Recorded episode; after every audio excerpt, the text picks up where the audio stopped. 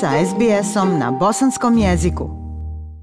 U svijetu koji je još uvijek u zagrljaju pandemije covid nije nedostajalo velikih vijesti u 2021. Tranzicija predsjedništva u Washingtonu testirala je temelje američke demokratije, a u Afganistanu 20-godišnji projekat obnavljanja demokratije zadobio je težak udarac povratkom Talibana na vlast. Prilog novinara redakcije SBS Newsa Tisa Okjucoa.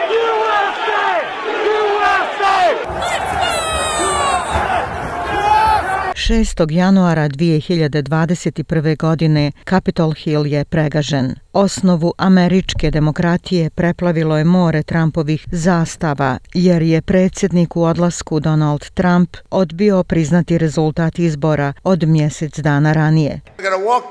Sići ćemo pješice do Kapitola, jer nikada nećete povratiti našu zemlju slabošću. Morate pokazati snagu i morate biti jaki. Srce najmoćnije svjetske demokratije demokratije postalo je poprište totalnog haosa. Sigurnost je bila u potpunosti nadjačana, jer je kongres bio u procesu potvrđivanja izborne pobjede Joea Bidena. Republikanci Mike Pence i Mitch McConnell bili su protiv poništavanja rezultata dok je čelnik Senata održao ovaj snažan govor. The voters, the courts, Birači, sudovi i države su se izjasnili. Svi su progovorili. Ako ih poništimo, to bi zauvijek oštetilo našu republiku. Naša demokratija ušla bi u spiralu smrti. Više od 600 ljudi u preko 40 država na kraju će biti optuženo za svoje učešće u neredima na Kapitolu. Samo dvije sedmice kasnije Joe Biden je položio zakletvu preuzimajući nezavidan zadatak izlječenja podijeljene nacije još uvijek opustošene COVID-om.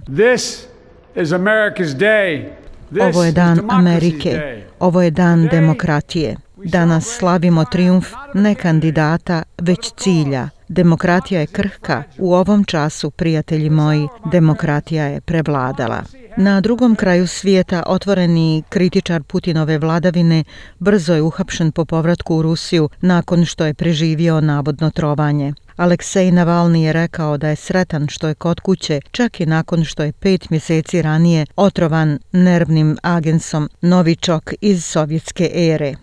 Ja Ja se ne bojim, osjećam se sasvim dobro dok idem na graničnu kontrolu. Proći ću i krenuti kući, jer znam da sam u pravu. Ali to samopouzdanje bilo je pogrešno. Čim je prošao pasošku kontrolu, gospodina Navalnog odmah su odveli graničari, a njegovi zahtjevi za advokatom su ignorisani. Na sudu je optužen za kršenje uslova kaucije u, kako kaže, politički motivisanoj optužbi za pronevjeru. Njegova odbrana je bila da je bio u berlinskoj bolnici oporavljajući se od trovanja koje ga je gotovo usmrtilo. Gospodin Navalni je osuđen na dvije i po godine boravka u radnom logoru i tu presudu su osudili svjetski lideri, uključujući sekretara za štampu u Bijeloj kući Jen Saki. Ponavljamo naš poziv ruskoj vladi da odmah i bezuslovno oslobodi gospodina Navalnog, kao i stotine drugih ruskih državljana koji su nezakonito privedeni posljednjih sedmica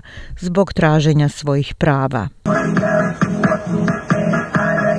U februaru ova burmanska plesačica nije imala pojma da će video o njenoj rutini vježbanja postati viralan, snimivši početak vojnog udara u Mijanmaru. Nacija Jugoistočne Azije pretrpjela je težak sukob između demokratske vlasti i vojske. Phil Robertson iz Human Rights Watcha rekao je da će stanovništvo nastaviti da izlazi na ulice u hiljadama. Ovi ljudi uh, nisu spremni da se vrate pod vojnu uh, diktaturu. Imali su deset godina slobode i uživali veće građanske i političke slobode nego što su njihovi roditelji ikada znali, a posebno mlade generacije su odlučne da vojska neće uspjeti u njihovom vojnom udaru ali vojska je na kraju uspjela. Prema jednoj grupi aktivista, kako navodi Reuters, vojska je odgovorna za preko hiljadu smrtnih slučajeva u puču. U aprilu je zdravstveni sistem Indije zapao u krizu. U jednom trenutku zemlja je bilježila više od 300.000 novih slučajeva covid tokom 24 sata. Delta varijanta se pokazala daleko smrtonosnijom i prenosivijom od prethodnih varijanti koronavirusa. Dok je drugi talas iznenadio zemlju, stručnjaci kažu da nestašica kisika koja je uslijedila nije trebala da se dogodi. Šef odjela intenzivne njege u Indiji, dr. Samit Rai, opisao je situaciju kao beznadežnu.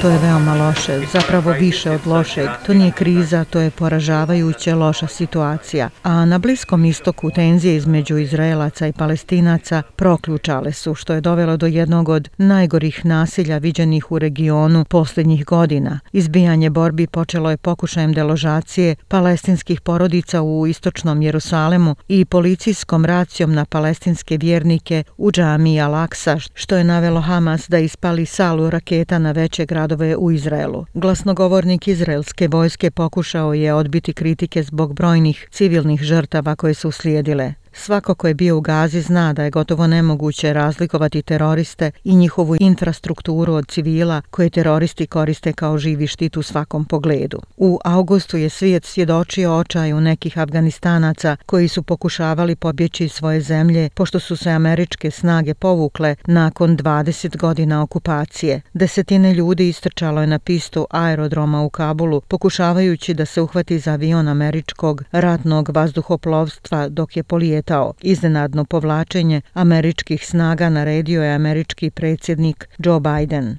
I stand squarely behind my decision. Čvrsto stojim iza svoje odluke. Nakon 20 godina na teži način sam shvatio da nikada nije bilo dobro vrijeme za povlačenje američkih snaga. Istina je da se ovo dogodilo brže nego što smo očekivali. Šta se desilo? Afganistanski politički lideri su odustali i pobjegli iz zemlje. Afganistanska vojska je propala. Rezultat tog kolapsa bio je povratak na vlast Talibana, ogorčenih neprijatelja Sjedinjenih američkih država i savezničkih snaga u posljednje dvije decenije. Desetine hiljada Afganistanaca očajnički su pokušavali da dođu do aerodromskih kapija koje su čuvale savezničke snage dok su se povlačile. Bila je to prethodnica onoga s čime će se savezničke zemlje suočiti kao rezultat povlačenja. Na hiljade migranata okupilo se na granici Poljske i Bjelorusije u novembru, očajnički želeći ući u Evropsku uniju. Bjeloruski predsjednik Aleksandar Lukašenko suočio se s kritikama da koristi migrante kao pijune u svom političkom sporu s blokom. Muškarci, žene i djeca svi su dočekani suzavcem i vodenim topovima na granici, odbačeni možda samo na trenutak u svojoj želji za boljim životom. Sudeći po ovim događajima, želimo da nam iduća godina bude puno bolja. Ja sam Aisha Hadži Ahmetović. Ostanite uz programa SBS radija na bosanskom jeziku. Like, share, comment. Pratite SBS Bosnian na Facebooku.